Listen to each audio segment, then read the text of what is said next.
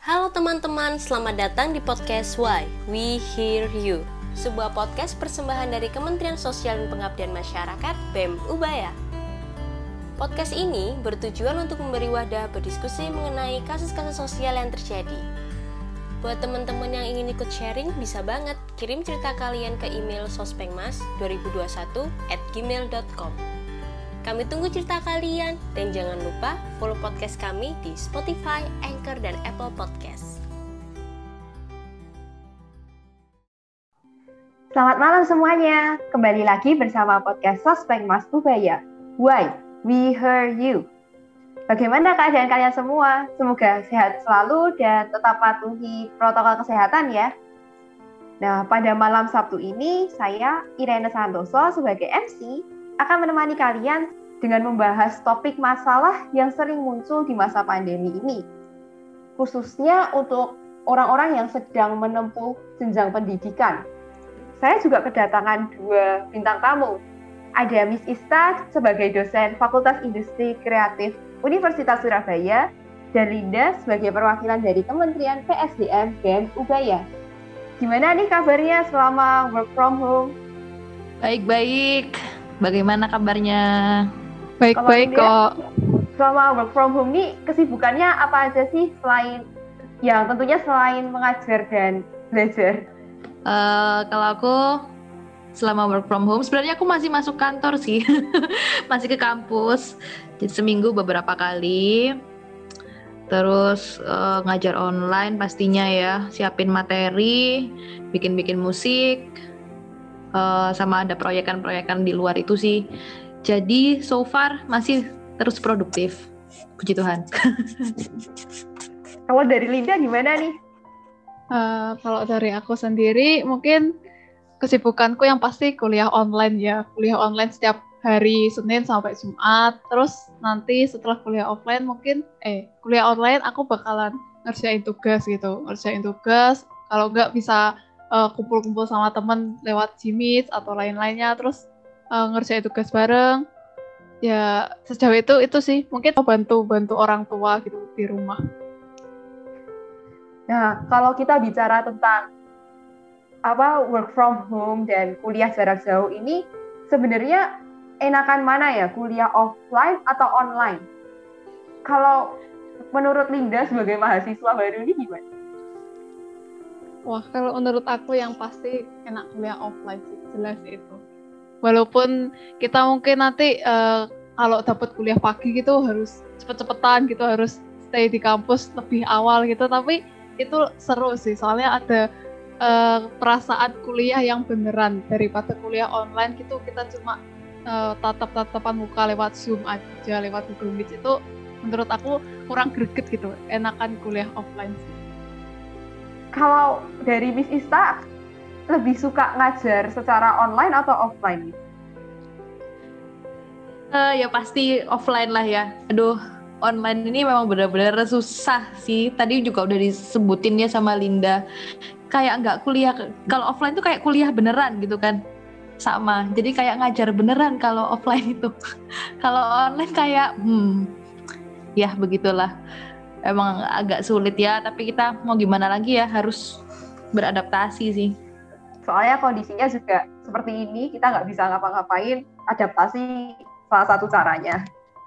Nah kalau kan kita udah kuliah online selama hampir satu semester ya. Selama hmm. kuliah online ini tuh bisa nggak sih kita bilang kalau sudah efektif sama pelaksanaannya kalau dari Miss Ista gimana? Hmm, pertanyaannya sungguh sulit. Ya, ya dan tidak ya. Jadi ya dan tidak. Jadi uh, ada beberapa mata kuliah yang hmm, lebih efektif kalau dilakukan secara offline. Karena kalau di Fakultas Industri Kreatif ya, kalau di FIK itu kita kan banyak hands on, alias kita banyak harus pegang kain, harus pegang mesin, kita harus menjahit, kita harus bikin sesuatu. Di mana untuk teman-teman Maharu yang baru ya, yang angkatan 2020, tiba-tiba kuliah online, materinya adalah materi hands on, wah susah banget.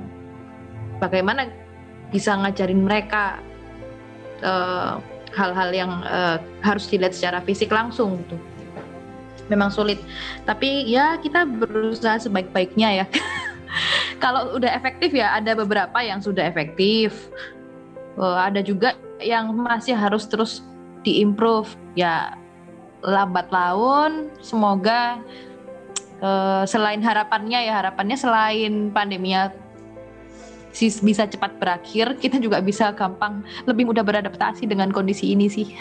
Gitu nah kan tadi kan menurut Miss Isla belum ada yang bisa dikatakan belum efektif. Lalu uh, kuliah online yang efektif tuh harapannya Miss Isla tuh seperti apa? Harapannya uh, kalau mungkin kriteria kuliah online yang efektif itu menurut keku dari pandangan dosen ataupun mungkin kalau aku memposisikan jadi mahasiswa ya. Yang pertama uh, tepat waktu, terus nggak berbelit-belit karena kalau nontonin orang gini, kalau nontonin dosen di di kelas ngomongnya panjang, ya udahlah ya ada orangnya. Tapi kalau nontonin dosen di uh, layar, aduh males banget ya ini harus ngomong jujur ya kalau aku menjadi man, uh, mahasiswa juga pasti aku ada gitu. Kemudian efektif lagi itu kalau ada komunikasi dua arah antara pengajar dan mahasiswanya, terus materinya nyampe. Kalau aku lihat selama ini tutorial class itu lebih diminati, misalnya aku tutorial Photoshop gitu. Mereka lebih senang daripada aku nyampein materi teori-teori gitu. Kalau yang teori-teori biasanya buat ngetes efektifnya kelas online ada post testnya gitu sih. Bentuknya bisa macam-macam. Yang penting teman-teman mahasiswa nggak bosan gitu aja. Oh gitu. Jadi emang kalau dilihat dari keefektifannya yang paling diminati itu kelas tutorial ya. Iya iya betul. So nah, far sih begitu. Dari, iya.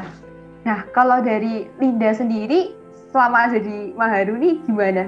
apakah kuliah online ini udah efektif atau belum?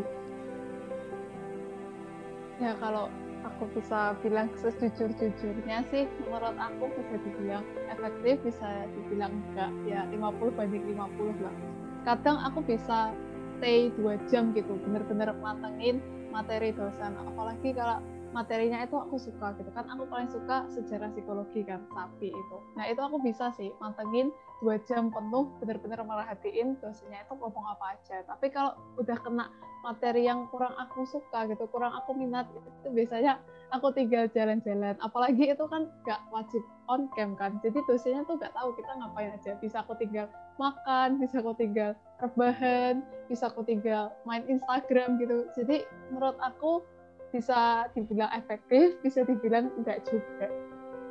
Memang seperti itu ya kuliah online. Yeah. Kalau gitu, kalau menurut Linda, uh, kuliah online seperti apa yang bisa dibilang efektif itu? Menurut aku, uh, yang poin pertama, aku setuju sama si Miss tadi si Abi yang bilang uh, ada interaksi gitu, interaksi yang enggak hanya satu arah gitu antara dosen dan mahasiswa. Kalau bisa misalnya interaksi satu arah aja itu kita kembali ke kayak masa SMA gitu di mana pas SMA itu kan kita di, dijelasin terus gitu tanpa ada interaksi gitu antara murid dan gurunya. Nah waktu kuliah itu menurut aku yang efektif kita harus uh, aktif bertanya kita. Kita sebagai mahasiswa itu aktif bertanya kepada dosen biar gak terjadi interaksi satu arah aja. Terus poin yang kedua itu uh, menurut aku yang penting juga ketika mau kuliahnya efektif itu dosennya memahami materi yang disampaikan. Aku nggak, aku merasa ada dosen yang kayak kurang paham gitu. Waktu aku di semester satu ini ada dosen yang kurang paham gitu. Jadi kayak dosennya tuh uh, masih membaca PPT gitu, masih kayak bener-bener baca PPT dan waktu ditanyai juga, ditanyai pertanyaan oleh mahasiswa itu jawabannya kurang menjawab gitu untuk mahasiswanya. Jadi menurut aku itu juga salah satu faktor yang mengakibatkan kuliah itu nggak efektif gitu. Uh, sebetulnya kalau efektif gitu ya, kuliahnya efektif gitu, uh, waktu yang lama gitu, waktu yang lama sampai dua jam atau dua jam lebih gitu, itu terasa cepet banget, terasa lima menit gitu. Kalau kuliahnya efektif. Jadi itu sih yang penting kita itu wajib bertanya biar gak terjadi uh, pembelajaran satu arah aja. Terus yang kedua, menurut aku dosen juga penting sih untuk memahami materi yang ingin disampaikan itu apa aja, biar nggak libet gitu di tengah jalan. Itu sih. Hmm, ya, emang berarti bisa kita tarik kesimpulan nih kalau misalnya kita mau perkuliahan yang efektif, berarti perlu ada komunikasi dua arah dari pihak dosen dan pihak mahasiswa. Dan mahasiswa sendiri nggak boleh takut bertanya gitu kan. Kalau Ya, kita betul. lihat lagi di kuliah online ini ya, masalah yang sering dikeluhkan mahasiswa itu pasti tentang tugas. Banyak yang bilang kalau tugasnya kuliah online ini banyak banget dan numpuk. Nah, udah gitu, mahasiswa sendiri cenderung untuk menunda pekerjaannya, sehingga ujung-ujungnya mereka sendiri yang kesusahan. Kalau dari Linda, kira-kira ada nggak cara supaya kita bisa manfaatin waktu belajar dan mengatur waktu dengan baik supaya kita tidak menunda-nunda juga? Eh, kalau dari aku ya, ini cara yang udah aku terapin dari waktu aku SMA. Dan aku lanjut terapin lagi ke waktu masa perkuliahan ini. Yaitu membuat to-do list. Itu udah aku terapin dari aku SMA.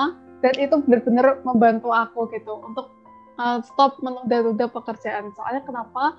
Manfaatnya tuh banyak banget. Yang manfaat yang pertama itu kita bakalan tahu gitu apa yang dikerjain lebih dahulu.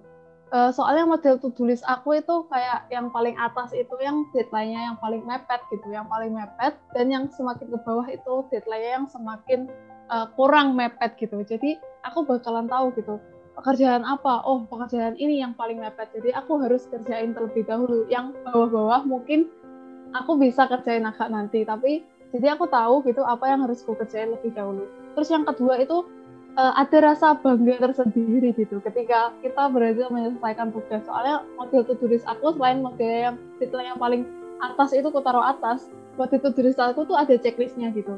Jadi ketika aku selesai ngerjain itu, aku checklist itu satu dan itu uh, rasanya bangga banget gitu. Aku bisa nyelesain satu tugas gitu walaupun cuma satu tugas tapi itu ada rasa bangga tersendiri gitu dan apalagi kalau udah banyak banget dan aku udah lihat ke checklist semua itu bener-bener aku merasa bangga gitu udah nyelesain semua tugas-tugas terus yang ketiga itu aku bakalan merasa lebih produktif gitu. Uh, kan sering gitu waktu bangun tidur gitu apalagi bangun tidurnya udah kesiangan gitu aku merasa kayak oh aku nggak produktif gitu. Terus apalagi kita nggak ada to-do ini kita nggak tahu gitu mau ngapain aja seharian ini. Tapi kalau ada to-do ini, kita bakalan tahu gitu apa yang harus kita lakukan pada hari itu. Kita bakalan tahu waktu bangun tidur, oh kita langsung lihat to-do list kita. Oh ternyata aku harus ini ini ini. Dan itu membuat kita semakin merasa produktif pada hari itu. Terus untuk yang manfaat yang keempat itu kita bakalan nggak bakal menunda lagi pekerjaan kita. Kita bakalan tahu ketika kita lihat to-do list kita, oh ternyata tugas aku banyak banget ya jadi kita nggak boleh nih eh aku nggak boleh nih menunda-nunda lagi. Aku nggak boleh nih mainan HP terus. Soalnya kita uh, ada to-do list yang menjadi patokan kita pada hari itu.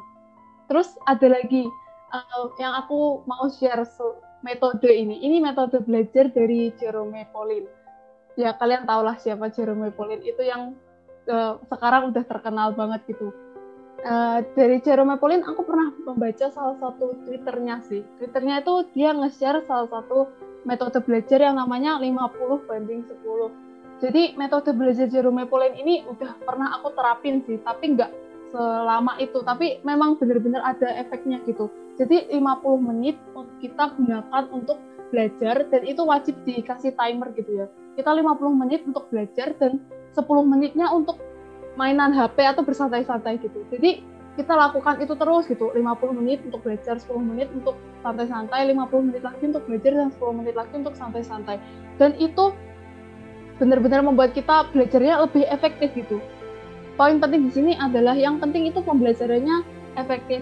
Untuk waktunya itu urusan belakangan. Jadi kita yang penting efektif dulu untuk kita nggak perlu target itu dua jam kita harus belajar enggak sih menurut aku yang penting efektif walaupun 30 30 menit kalau efektif itu nggak apa-apa sih menurut aku itu sih yang bisa aku Hmm. bagikan Emang ya dengan teknik belajar yang disebutkan tadi itu cukup menarik juga sih karena sejauh yang saya tahu itu juga teknik belajar yang diterapkan di sekolah-sekolah Jepang.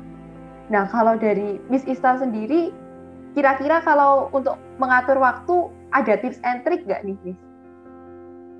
Mengatur waktu, gimana supaya supaya nggak menunda ya? Tadi itu ada hal yang aku juga sama sama Linda tentang menulis. Memang betul ya. Jadi procrastination itu evil. Sering dia tahu kapan harus datang dan bentuknya macam-macam. Lagi ngerjain apa, tiba-tiba ada iklan Netflix, terus akhirnya buyar gitu ya. Biasanya kalau supaya aku eh, nggak uh, lost focus, yang pertama betul sama seperti Linda, aku menulis apa yang harus aku lakukan pada hari itu. Uh, kenapa kok nulis? Soalnya kalau nggak ditulis bisa lupa, dan kalau ditulis itu akan bikin uh, kita selalu kepikiran setiap ngelihat tulisan itu gitu. Dan setelah selesai aku coret gitu.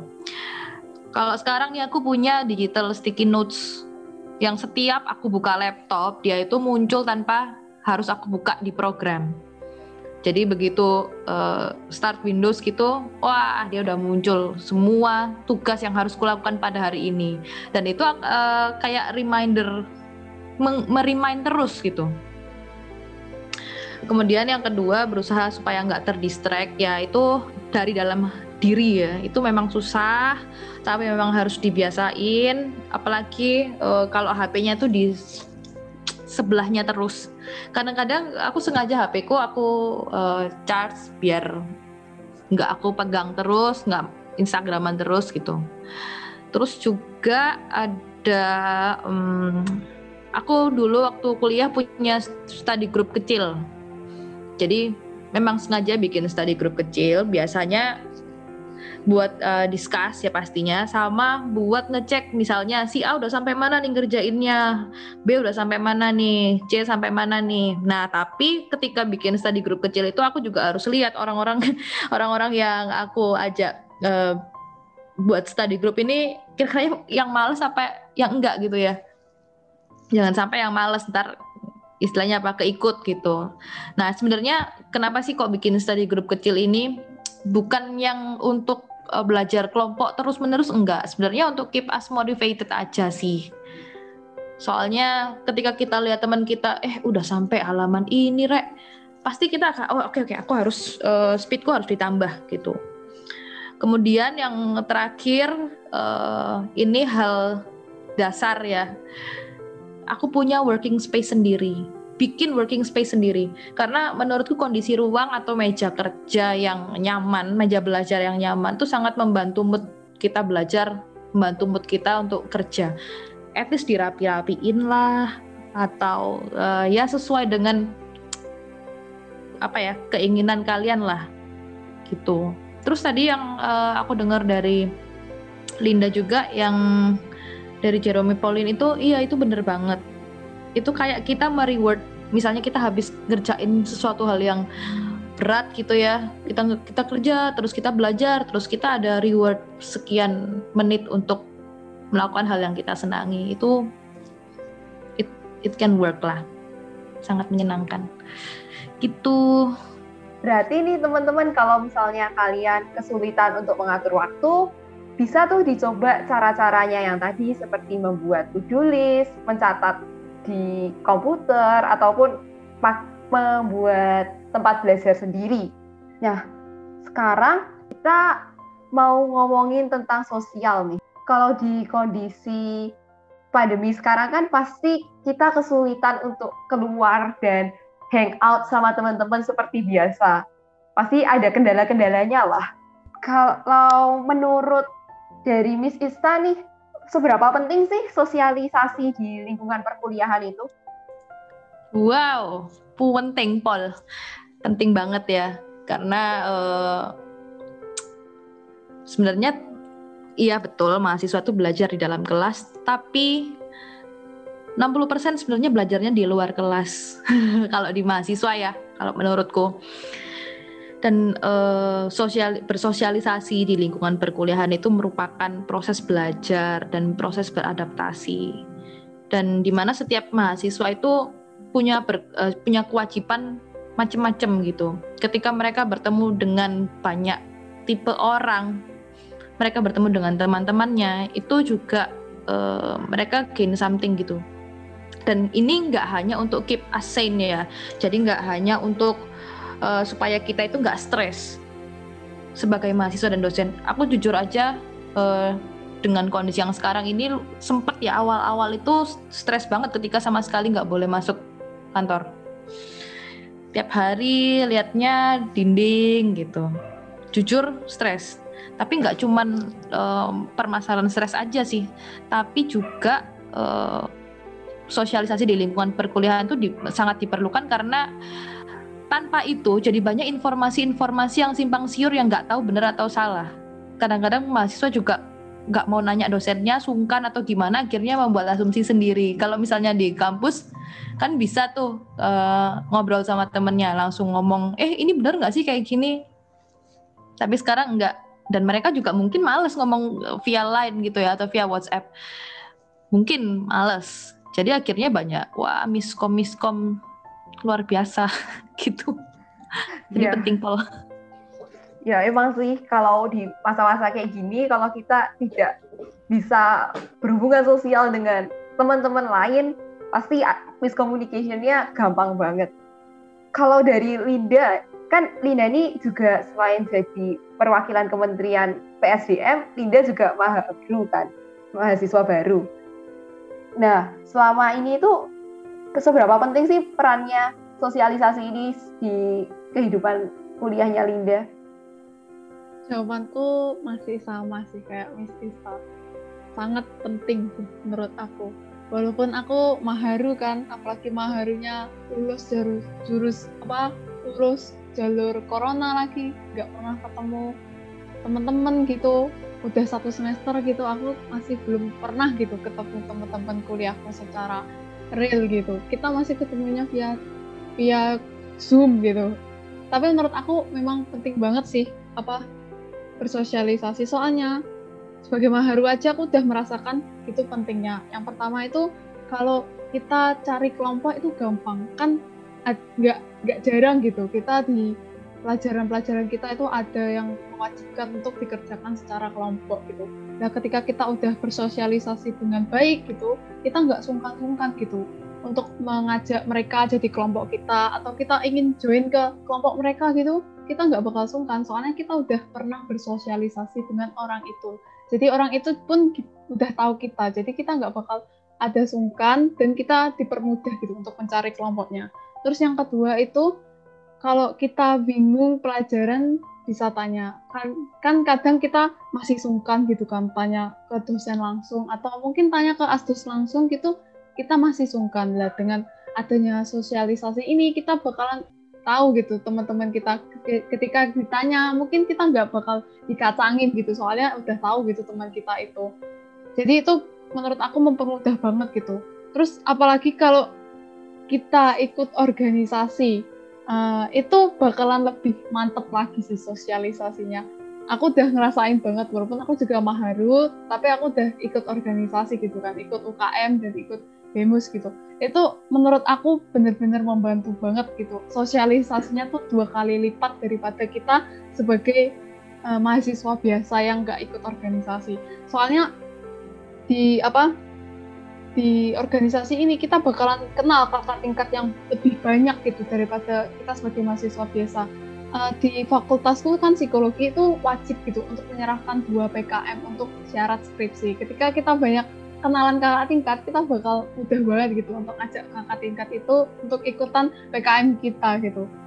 Terus ya pastinya soft skill dan hard skill-nya juga bertambah ketika ikut organisasi. Terus yang pasti kita nggak bakal lagi jadi mahasiswa kupu-kupu yaitu kuliah pulang kuliah pulang kita bakal lebih aktif lagi di di kuliahan kita itu sih jadi penting banget sih hmm, Iya, memang penting ya ternyata sosialisasi itu di lingkungan perkuliahan. Jadi teman-teman kalian jangan takut untuk memulai pembicaraan dengan teman-teman yang lain karena seperti yang kita dengar tadi manfaatnya banyak untuk ke depannya. Nah, tadi kan sudah diceritakan oleh Miss Ista bahwa ketika awal-awal ada corona ini, ada pandemi ini, ada perasaan stres yang muncul karena tidak bisa datang ke kampus. Nah, dengan keadaan pandemik ini kan kita juga sulit ketemu teman-teman yang mungkin juga akan leading ke perasaan stres itu tadi. Kalau dari Miss Ista, ada nggak sih trik, tips and trick khusus untuk mengatasi rasa stres di pandemik ini? Hmm, ya pastinya kita semua stres ya. Karena pun aku pun juga jadi nggak mungkin sih nggak eh, nggak mungkin ada orang yang sama sekali nggak stres. Sedikit banyak pasti ya yang pertama mungkin ya nomor satu meskipun kita nggak bersosialisasi secara fisik ya sama teman-teman nomor satu jangan stop bersosialisasi. Selalu keep in touch sama teman-teman kalian. Entah itu ya kalau kalian sama-sama di Surabaya saling kirim apa kayak makanan kayak apa ngapain terus video call. Uh, dan jangan cuma berdua mungkin ya tapi kayak berlima gitu grup call.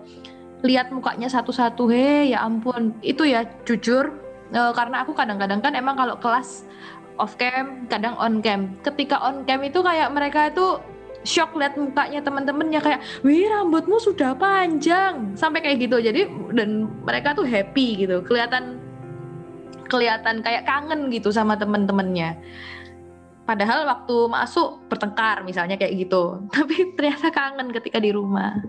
Terus nomor dua itu hmm, make your home as a staycation place. Ini sebenarnya tentang mindset juga sih ya. Karena uh, kita selama ini kan mikirnya karena udah kelamaan di rumah jadi mikirnya uh, bosen di rumah terus. Padahal kalau di, kita kuliah pingin libur ya enggak itu kan sering terjadi. Mesti gitu dasar manusia ya. Ya mungkin yang bisa uh, aku sarankan ya itu make your home as a staycation place. Entahlah kalian melakukan sesuatu di rumah ini yang membuat seperti liburan. Sebenarnya bukan bukan libur-libur kayak liburan kayak ke Bali gitu bukan ya tapi membuat kalian nyaman dan yang nomor tiga pasti do your hobbies lah. Pasti kalian punya hobi-hobi yang terpendam karena kegiatan-kegiatan perkuliahan. Kalau di aku kegiatan-kegiatan pekerjaan gitu ya. Uh, inilah saatnya kalian bisa melakukan semuanya gitu. Misalnya habis selesai kuliah online, kemudian kalian bisa langsung melakukan hobi itu. Galilah potensi kalian, gali potensi teman-teman apa sih yang selama ini teman-teman pingin gitu. Sepertinya itu sih kalau dari aku. Hmm, saya juga dapat informasi nih kalau ternyata Miss Ista juga musisi. Apakah itu salah satu stress release kalau um, kalau aku jadi musisi, kalau aku membuat musik tuh sebenarnya bukan kalau dulu ya bukan stress release sih, tapi lebih um, untuk menuangkan itu kayak diary gitu. Musik dari dulu itu seperti diaryku. Tapi bener ya pada saat pandemi itu itu bener jadi stress release beneran karena aku merasa bener-bener bisa menuangkan emosi dan segala apa pun yang aku rasain itu ke musik itu. Jadi akhirnya uh, stresku aku arahkan ke karya. Contohnya ya ke musik-musik yang aku buat selama masa pandemi ini gitu. Dan itu sangat bekerja dengan oke, okay. akhirnya aku happy juga. Aku merasa puas sudah me-create sesuatu dan juga uh, negatifnya tuh sudah tersalurkan gitu udah nggak begitu stres lah intinya. Nah teman-teman kan tadi sudah tahu nih gimana cara mengatasi stres. Kalian bisa ngelakuin hobi yang kalian sukai atau mungkin menggali lebih potensi kalian yang selama ini terpendam gitu. Nah kalau misalnya dari Linda nih, ada nggak sih cara-cara jitu untuk meningkatkan personal improvement? Wah, kalau aku disuruh jawab itu mungkin bisa ada sih ada jelas ada soalnya aku juga udah melakukan beberapa hal-hal itu ketika aku pandemi gitu awal-awalnya aku masih santai-santai gitu. Aku masih menikmati masa-masa libur gitu. Tapi lama kelamaan kayak aku merasa gak gak ada kerjaan gitu. Jadi aku coba untuk melakukan personal improvement ini. Yang pertama itu aku pernah belajar dari hobi. Oh, bukan hobi sih kayak lebih kegiatan yang lebih sering dilakukan gitu. Waktu pandemi aku sering banget gitu, sering banget dulu waktu masih aku cari-cari kuliah gitu kan aku sering banget tuh lihat-lihat film drakor gitu. Aku lihat sering banget gitu hampir tiap hari aku lihat drama Korea. Terus waktu aku lihat gitu aku tertarik gitu. Bukan hanya tertarik dengan cerita alur ceritanya aja tapi aku tertarik untuk belajar huruf Koreanya gitu. Jadi ya lumayan lah aku setelah belajar beberapa minggu aku jadi bisa membaca huruf Korea atau Hangul itu. Tapi aku masih sampai sekarang ya cuma iseng-iseng aja sih tapi setidaknya itu ada hal baru yang bisa kita pelajari walaupun cuma nggak sepenuhnya gitu. Jadi aku cuma bisa baca doang sih, tapi kalau disuruh ngertiin aku juga masih belum bisa sampai sekarang. Terus uh, hal yang kedua itu aku belajar dari internet sama sosmed.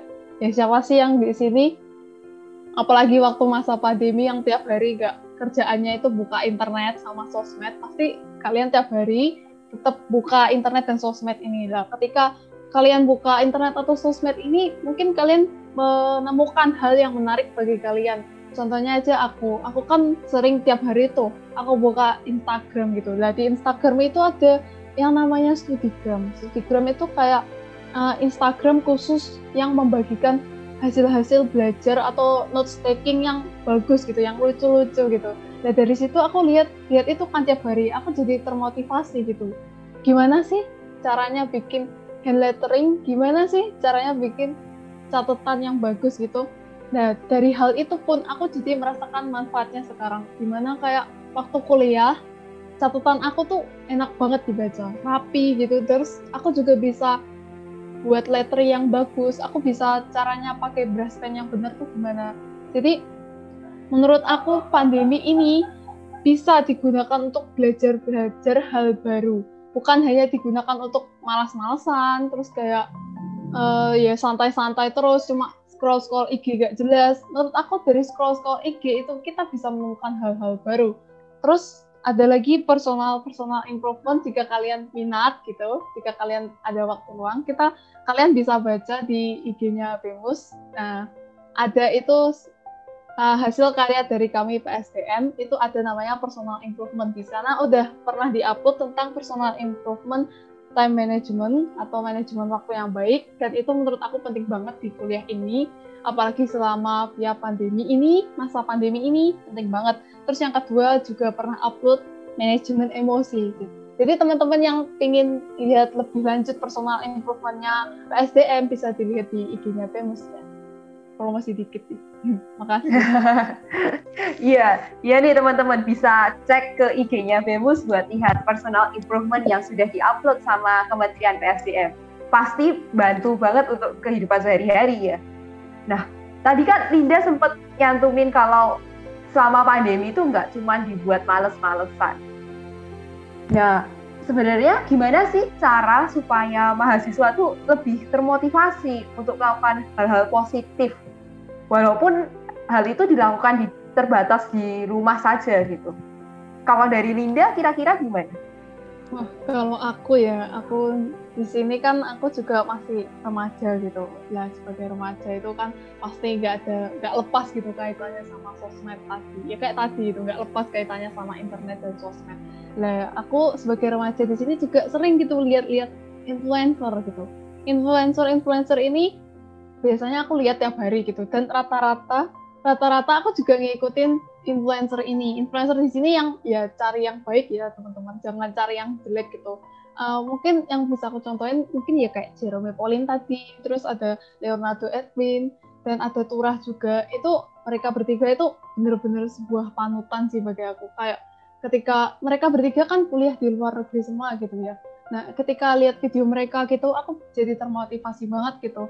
Ketika yang awalnya aku malas belajar gitu, ketika lihat mereka bisa kuliah di luar negeri enak, bisa kuliah di Jepang, bisa jalan-jalan di Jepang, bisa lihat budayanya Jepang tuh kayak gimana, itu menjadi termotiv motivasi tersendiri gitu bagi aku.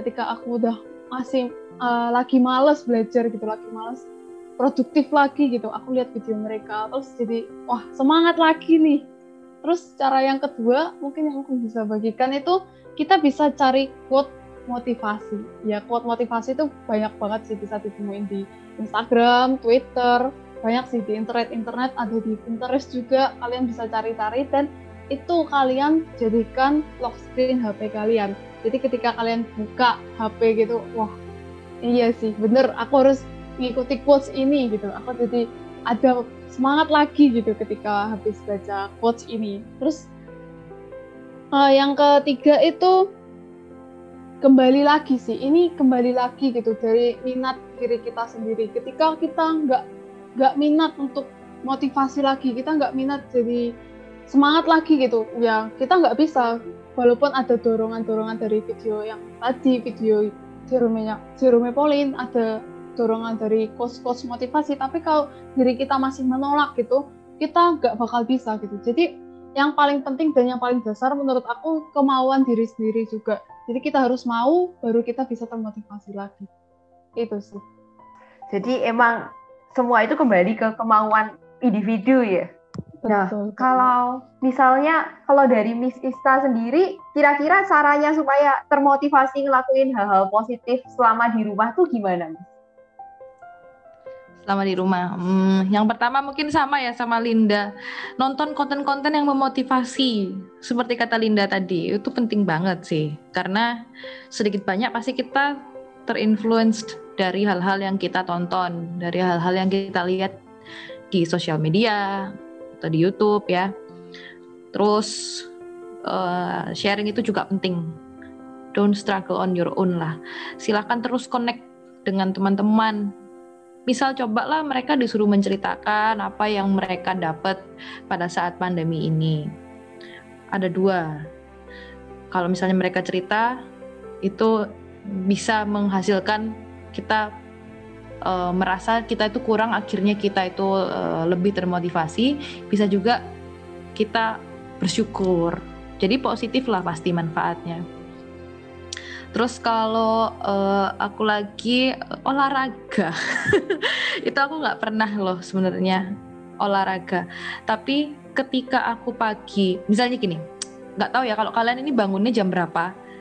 Tapi aku merasakan uh, perbedaan ketika aku bangun pagi sama bangun siang bangun pagi jam 7, terus kemudian keluar, ya sedikit-sedikit olahraga kecil, caring-caring dikit lah ya, kena sinar matahari. Itu aku bisa uh, termotivasi sampai akhir hari, sampai uh, malam. Tapi kalau aku bangun itu udah siang kayak jam 10, jam 11 gitu, badanku tuh sakit semua dan akhirnya energinya itu males gitu.